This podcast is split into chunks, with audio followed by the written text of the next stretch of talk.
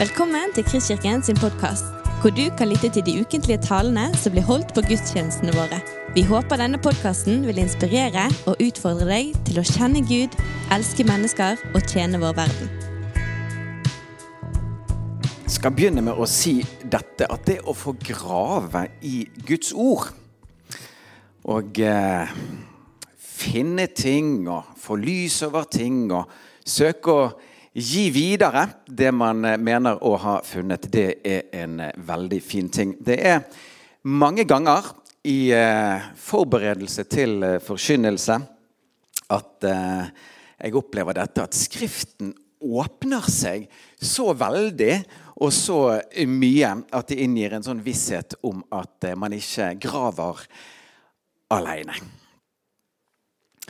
Det som derimot pleier eh, å gå noe tyngre for meg, eh, men som like fullt eh, tilhører forkynnergjerningen i Kristkirken, det er å komme på en sånn her eh, catchy taletittel dagen etterpå. Som liksom skal vekke podkastlytteres eh, interesse. Og Et grelt eksempel som jeg hadde for litt siden, da talte jeg om denne fattige kvinnen som ga så lite, men likevel så mye. Og mandags morgen så valgte jeg da overskriften 'Et usannsynlig forbilde'. Og Jeg tenkte ikke mer på det før jeg fikk en litt sånn humoristisk screenshot av en eh, kompis. Jeg eh, tenkte jo ikke på at eh, navnet mitt skulle stå foran titler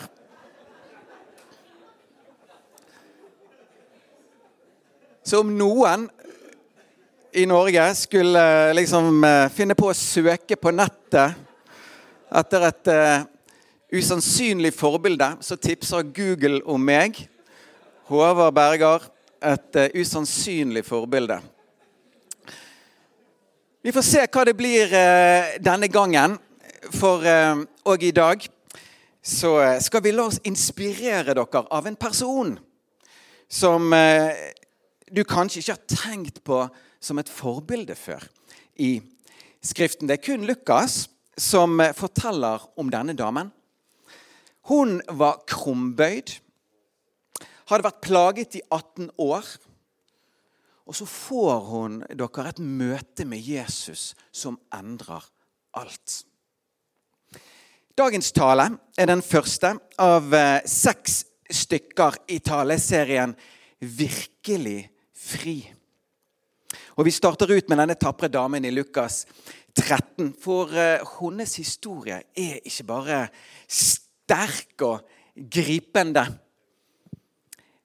Denne historien rommer òg det jeg vil kalle for feltprinsipper i møte med det som har med frihet og frigjøring i Guds rike å gjøre. Saker som det er bra at vi har med oss helt fra første steg. La oss stupe i det og lese fra Lukas 13, vers 10 til vers 17. En sabbat holdt han på å lære folket i en av synagogene. Og se, det var en kvinne der som hadde hatt en vannmaktsånd i 18 år. Hun var krumbøyd og kunne ikke rette seg opp. Da Jesus så henne, kalte han henne til seg og sa til henne, 'Kvinne, du er løst fra din vannmakt.' Han la hendene på henne, og straks rettet hun seg opp og priste Gud. Da tok synagogeforstanderen til orde. Han var harm fordi Jesus helbredet på sabbaten. Og han sa til folket det er seks dager til å arbeide i. Kom derfor på dem og bli helbredet, og ikke på sabbaten. Men Herren svarte ham og sa, hyklere, løser ikke hver av dere oksen eller eselet fra krybben på sabbaten og leier dem ut så de får drikke. Men denne, en Abrahams datter som Satan har bundet, tenk i 18 år, skulle ikke hun bli løst av dette bånd på sabbatsdagen? Da han sa dette, ble alle hans motstandere gjort til skamme, og hele folket gledet seg over alle de herlige ting som skjedde ved han. Ok, hva har vi her?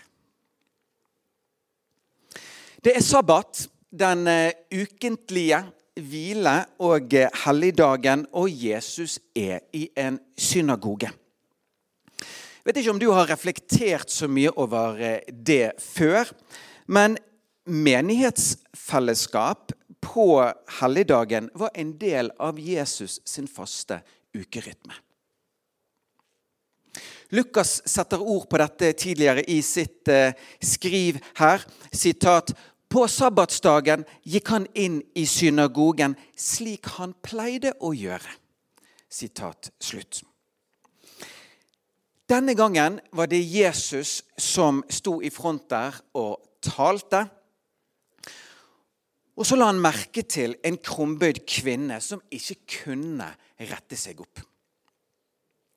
Lukas forteller dette at hun hadde vært plaget i 18 år av et åndsvesen med forbindelse til djevelen. Om det hadde skjedd noe som førte til dette, det får vi ikke vite. En eksakt diagnose får vi heller ikke. Og Lukas sin navngivelse av denne åndsmakten er av det mer generelle slaget. En del bibelkommentatorer kaller det for en sykdomsånd. Så det er en del ting vi ikke vet.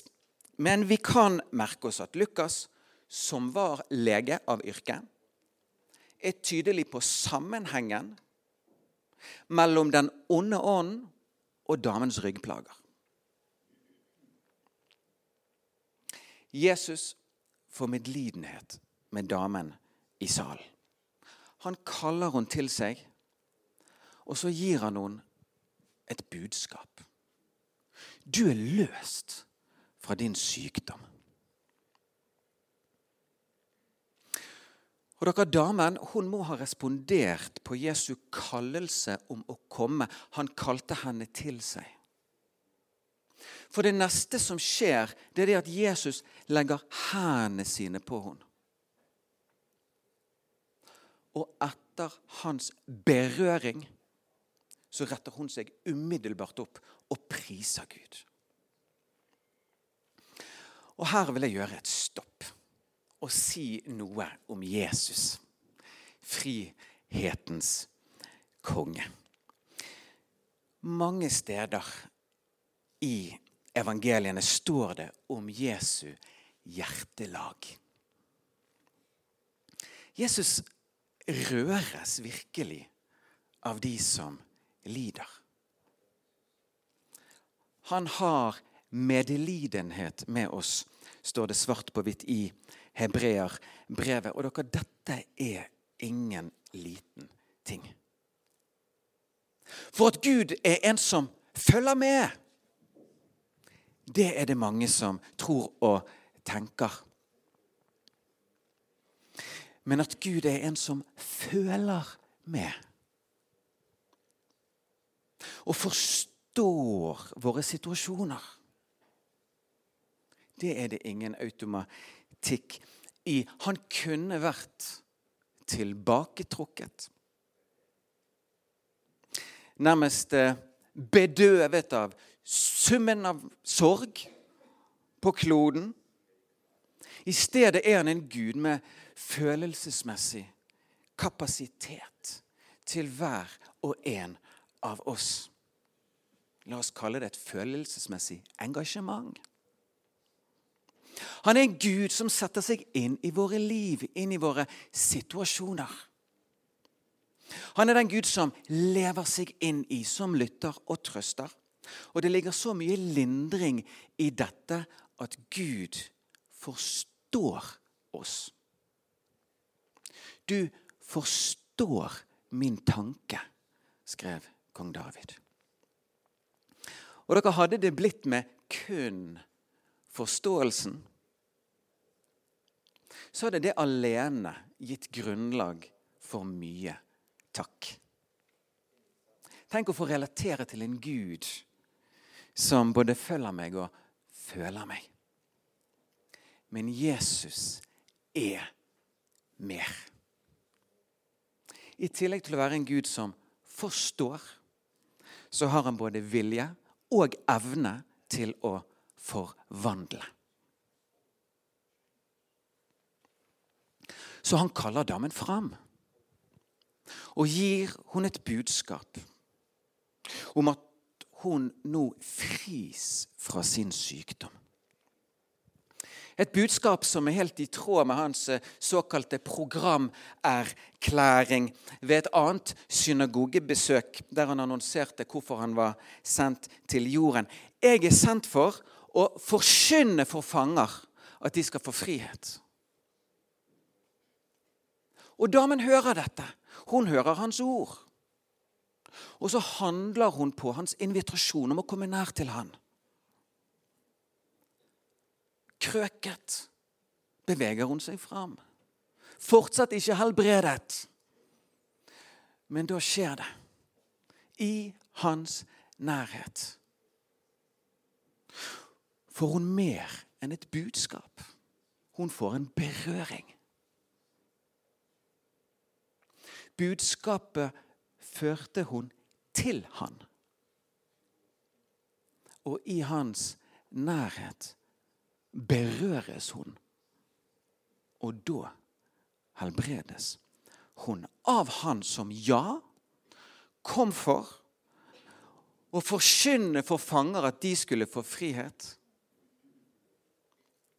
men som òg kom for å sette undertrykte fri. Han utroper, og han utfører. Det er ord, men det er òg kraft. Han er en som forstår, og han er en som forkynner og forvandler. Og han kan forvandle dere. Han kan forvandle denne situasjonen fordi han er sterkere enn den makt som er for sterk for kvinnen. Ikke lenge før denne hendelsen eh, i synagogen hadde Jesus omtalt djevelen som en sterk og væpnet eiendomsvokter. Og dersom man ønsker å innta det som voktes, så er det bare én mulighet, sa Jesus. Nemlig at en som er sterkere enn han overvinner og avvæpner han. Og det er det vi ser her. Damen er vitterlig plaget og underkuet av djevel, men Jesus som kom, for å sitere Johannes, for å gjøre ende på djevelens gjerninger, løser hun fra tau og tyngde. Det kan han gjøre, for han er sterkere. Det som eh, så skjer i synagogen denne dagen etter eh, helbredelse og påfølgende tilbedelse, er at lederen i synagogen bryter inn og sier til Sal at det som nå har funnet sted, ikke er i tråd med skikk og tradisjon. Jeg skal ikke vie denne delen av eh, teksten mye tid, men akkurat dette bærer jo med seg en eh, si, trist ironi når sabbaten ble gitt til menneskene for nettopp å fri fra byrder og plager. For å avlesse og avløfte. Gi frihet og hvile. Så er det noe som passer på sabbatsdagen. Så er det jo slike ting som dette. Synagogeforstanderen her hadde helt sikkert mange flotte egenskaper. Hvis ikke hadde han neppe hatt rollen som leder i synagogen. Men vi aner vel at det hadde rammet han noe vi sjøl òg skal vokte oss for i våre liv. Nemlig at vår kjærlighet til tradisjoner blir større enn vår kjærlighet til personer. At det blir eh, viktigere for oss at tingene skjer eh, rett, enn at de rette tingene skjer.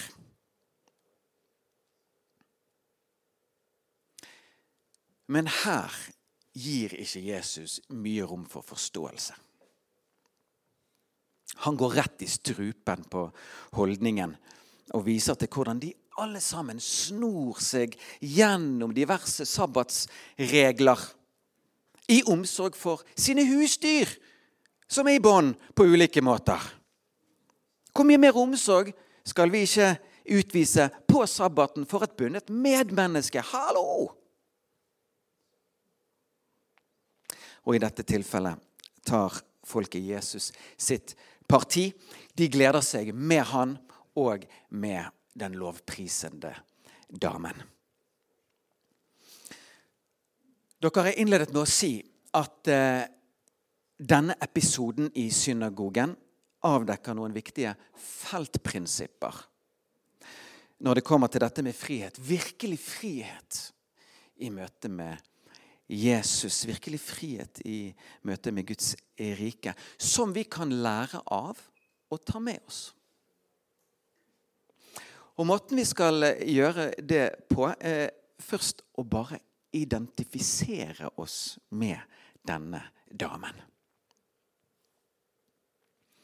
Og så skal vi lære av henne. For på mange måter er hun et eksempel for oss til etterfølgelse. Du får prøve dette, men jeg vil dra det såpass langt som å si at det som først kan synes som en tilfeldig utvelgelse i mengden, mengden kanskje ikke var så tilfeldig likevel. Kanskje kan denne damen sette oss på sporet av noen feltnøkler. Og dere, Den innledende identifiseringen med hun består jo i dette at også vi bærer på ting som tynger. På sett og vis er det ikke så dumt at damens eh, historie og diagnose, og også Den eh, onde ånds navngivelse, er av det mer generelle slaget. Det letter identifiseringen for oss, for hva nå enn vår historie, diagnose eller plageånd viser seg å være, så kan vi alle ta plass i denne damens sko. Gjenkjenneligheten består i dette at også vi bærer med oss tyngende ting som bøyer oss ned. Og det kan være mange, mange forskjellige ting. Noen av de vil vi gå spesifikt etter i taleserien vi nå er begynt på. For vi kan jo alltid snakke om å være virkelig fri. Men fri fra hva? Og La meg få nevne fire av de tingene som kan tynge og gjøre nedbøyd. Hver av disse skal vi i tur og orden se nærmere på sammen de neste søndagen. Det ene er synden vår. Hebreerne 12 snakker om synden som henger så fast ved oss. Jesus kom for å løfte av skyld for synd. Ta bort skammen over synd vi har begått. Og han gir kraft til å ikke synde. Det andre er fienden vår. Jesus er tydelig på at Satan fins. Han vil stjele, drepe, ødelegge, forføre, binde, anklage, underkue. Hva han har i sinne, må vi ikke være uvitende om, skriver Paulus. Den gode nyheten, for å å sitere Johannes, er at Jesus kom for å gjøre ende på djevelens gjerninger. Det tredje vi skal se på sammen, er sårene våre. Vi riftes alle sammen av dette livet på jorden. Men noen sår er særlig smertefulle og røver veldig mye liv fra livet. Jesus kom for også å lege disse indre sår som vi har. Det fjerde, og som doktor Tor Jakob Moe skal snakke om, er tankene våre. Veldig mye av frihetskampen utkjempes i tankelivet. Destruktive tankemønstre kan røve og bedrøve. Jesus kom for å fylle våre sinn med sannhet og sunnhet. Dere, vil være veldig forskjellig hva i våre liv som tynger og undertrykker. Noe av det vi kanskje ikke klar over engang, men den innledende identifisering vi kan gjøre med damen i synagogen, det er at hun og vi går med samme problem. Dypest sett vi bærer med oss nedtrykkende saker, ting som gjør livet nedbøyd. Men ok, hva gjør vi med det? Hva kan vi gjøre med det? Og Det er jo fra dette punktet her dere, at vi kan lære noe, mener jeg, av denne damen. For hva gjør man når det er slik? Og Det første vi skal merke oss, det er at hun kommer til gudstjeneste.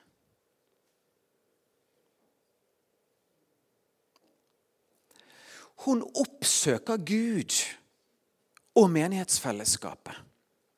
Selv om hun er funksjonshemmet. Selv om sikkert mange ser rart på hun og merker seg hennes rare gange. Selv om det er krevende å gå. Selv om det er krevende å sitte. Selv om dette med øyekontakt kan være vanskelig. Hun lar ikke dette hindre hun i å komme for å tilbe Gud og høre Hans ord. Hun søker til Gud, selv om hun sikkert hadde god grunn til å være både bitter og isolert.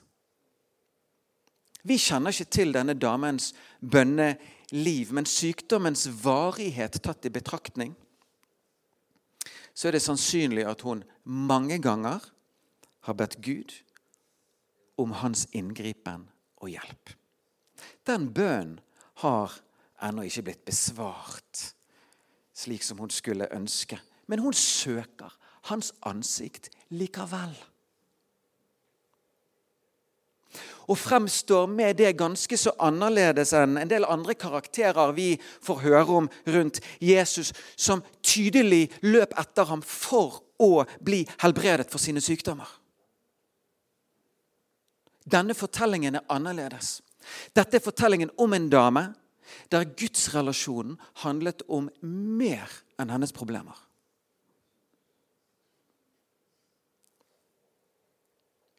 Så selv om denne damen var i en stakkarslig fysisk forfatning, så tyder alt på at hennes trosliv var i solid forfatning. Jesus gir hun da òg denne hedersbetegnelsen Abrahams datter, som selvfølgelig ikke er et tilfeldig valgt ord. Han kunne sagt Adams datter for å fremheve hun som et menneske, i kontrast til disse husdyrene som ble omtalt. Se, vi har en Adams datter her. Nei. Han kunne sagt Moses' datter for å fremheve, fremheve hennes jødiske arv og dermed særstilte identitet. Men han kaller hun for Abrahams datter. Han som i Skriften omtales som en far for troens folk. Far for alle troende, og som blant annet er ekstra kjent for å lyde og tilbe Gud og de gangene han ikke skjønte seg på Gud. Så hun holdt seg ikke unna Gud. Hun holdt seg heller nær til han. Men så holdt hun seg ikke unna menighetsfellesskapet heller. Og akkurat det er interessant. For om jeg får overføre dette til vår verden, vår hverdag, vårt menighetsliv, så har jeg gjort en eh, observasjon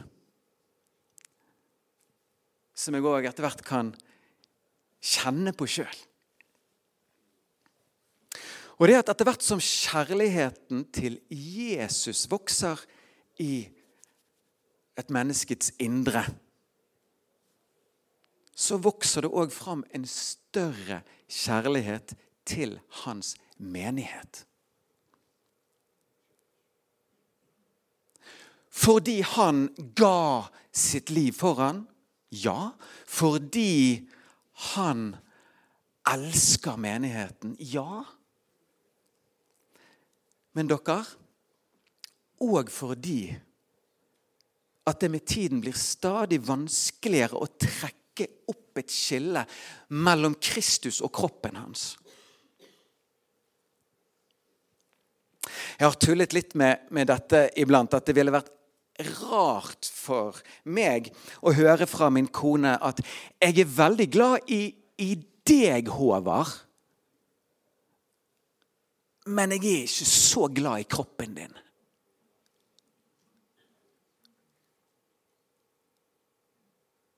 Dette kan vi høre iblant. Glad i Jesus. Gi vår tilslutning til Jesus men ikke til hans menighet. Glad i Jesus, men ikke i kroppen hans. Her er det noe. Når Saulus forfølger Jesu menighet, så fikk han som kjent et møte med Jesus på veien til Damaskus der. Og hva var det Jesus sa til han? Saul, Saul, hvorfor forfølger du meg? En ting er om dette kun hadde vært Jesu liksom, identifisering med sin menighet. Ville vært sterkt, bare det. Men dette handler jo om hans forening med sin menighet. Det er ikke de og meg. Det er et oss. Det er et vi. Og akkurat her er det jo denne damens bevisste valg om å oppsøke menighetsfellesskapet midt i sin plage, blir så forbilledlig for oss andre, som òg er Abrahams barn. For i dette fellesskapet er Gud.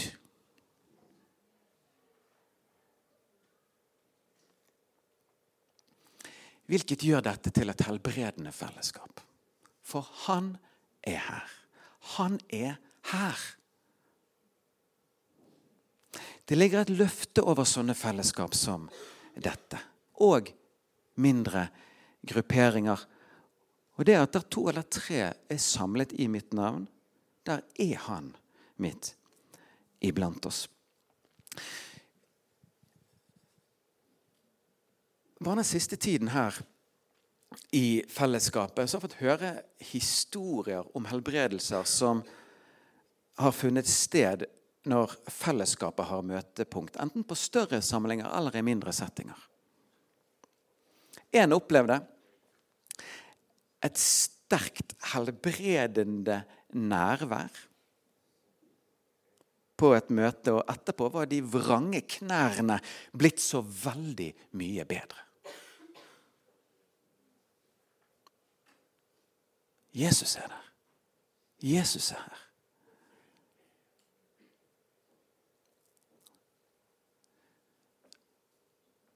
Erfaringen er selvfølgelig ikke lik, men ikke bare helt ulik heller. Det damen i synagogen opplevde. Han bare var til stede. Jesus så han og gjorde noe i sin godhet. En annen fortalte om et avhengighetsforhold som slapp taket på dagen etter samtaler og forbønn. Dette fellesskapet her. Helbredende fellesskap Fordi helbrederen er her.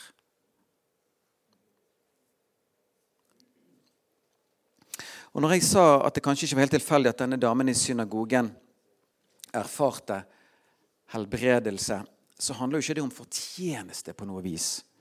Enhver berøring fra Gud vil ha sitt utspring i Hans nåde og Hans godhet. Men vi kan ikke ta fra hun at hun så bevisst oppsøker et fellesskap der det finnes et helbredende nærvær.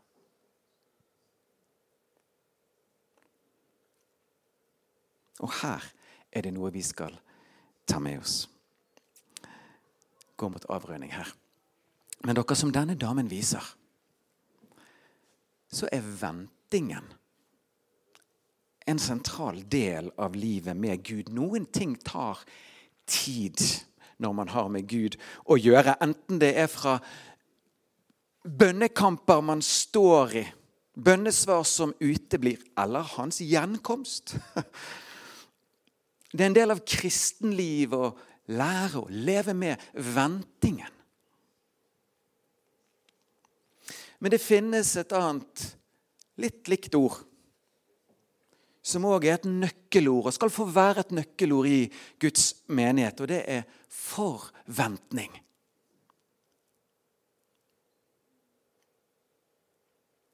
Denne damen kom til fellesskapet for å tilbe, takke, lytte en vidunderlig innstilling, glitrende beveggrunn for å komme. Men Jesus var i rommet. Og han ville gi mer enn et budskap. Han ville òg gi en berøring. Og dette, dere, skal være frimodig her. Jeg tror dette er et ord til dette fellesskapet.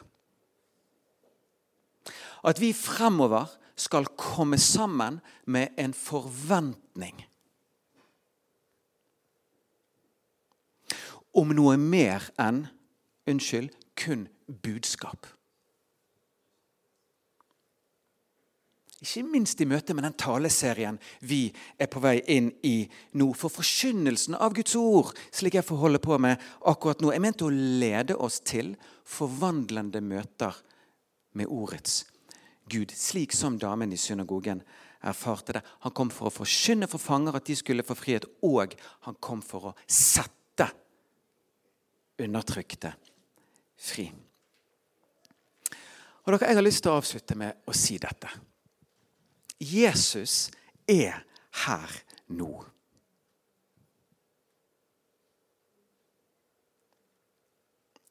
Kanskje ser du han ikke. Det er ikke så sikkert at den krumbøyde damen gjorde det heller. Men hun hørte hans røst. Og han så hun. Og med sitt hjerte, som er full av medlidenhet, så ville han gi henne mer enn et budskap. Det samme gjelder her i dag. Og jeg har lyst til å være frimodig. Og rett og slett gi rom for Jesus til å berøre i dag. For Jesus til å helbrede. For Jesus til å frigjøre. Han kom ikke bare for å forkynne, han kom også for å forvandle. Han kom ikke bare for å sette ord på dette som har med frihet å gjøre, men for å sette folk fri. Dette er Jesus Kristus. Og han har gitt oss et løfte om sin tilstedeværelse. Du har lyttet til en podkast fra Kristkirken i Bergen. Vi håper du har blitt inspirert og utfordret i din vandring med Gud. Vil du vite mer om oss, så klikk deg inn på kristkirken.no.